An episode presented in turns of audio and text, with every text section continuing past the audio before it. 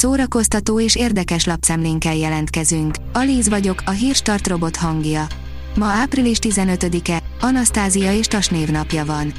A Mafab írja, Libido, nehéz bombázók Halloweenben. Mi is történt 1965-ben Olaszországban, nem sok minden, csupán csak annyi, hogy Mara Maril, aki civilben Ernesto Gastaldi felesége volt, egy fogadáson, amit ő adott a saját házában, természetesen a filmekről és a művészetekről beszélgettek. Rácz izgalmas részleteket árult el kislánya születéséről, kinyitották a kórházat értünk, írja a Blik. Rácz Jurica Dórának és férjének, Rácz a mai napon született meg első közös gyermekük, Kamilla. A magzatvíz éjszaka folyt el, így csak az ő kedvükért nyitott ki a kórház. A player írja, egyszerűen beteg Cronenberg új filmjének első kedvcsinálója.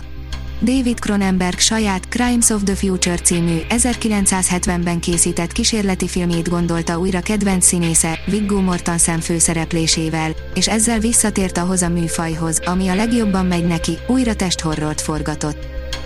Az NLC oldalon olvasható, hogy Tim Roth, ha dühöng egy rendező, elvonulok. Tim Roth egymás után forgatott a világ egyik legnyugodtabb, legidillibb helyén, a svéd Farö szigetén, valamint a világ egyik legveszélyesebb városának tartott mexikói Acapulcóban. A Librarius írja, Lukács Flóra kapta a Makói medáliák díjat. Lukács Flóra 1994-ben született Miskolcon, jelenleg Budapesten él. A Pázmány Péter Katolikus Egyetem esztétika szakán végzett. A magyar holokauszt legjelentősebb kutatóirata bemutatja a képtelen döntések gyötrelmével küzdő embert, írja a könyves magazin. Munkácsi Ernő a katasztrófa után alig két évvel megjelent visszaemlékezése a magyar zsidóság deportálásának nehéz, ellentmondásos nézőpontból megírt krónikája.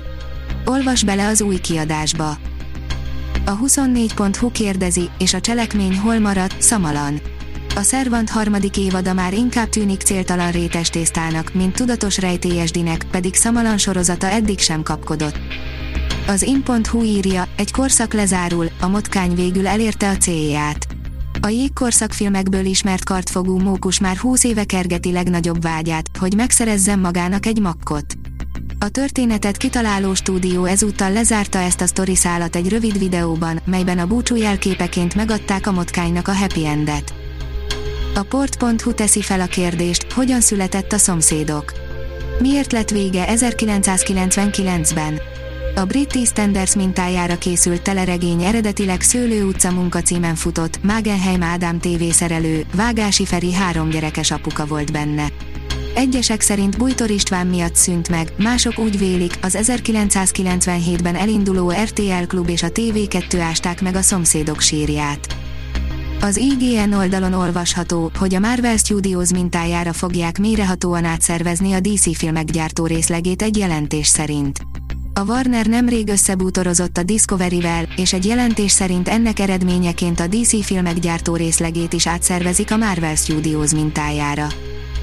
Az Index oldalon olvasható, hogy a Red Hot Chili Peppers új albuma vezeti a Billboard 200-as listáját. A két hete megjelent Unlimited Love az első lemez a 2006-os Stadium Arcadium óta, amely listavezető lett. A Hírstart film, zene és szórakozás híreiből szemléztünk. Ha még több hírt szeretne hallani, kérjük, látogassa meg a podcast.hírstart.hu oldalunkat, vagy keressen minket a Spotify csatornánkon. Az elhangzott hírek teljes terjedelemben elérhetőek weboldalunkon is. Ha weboldalunkon hallgat minket, az egyel korábbi adás lejátszása automatikusan elindul.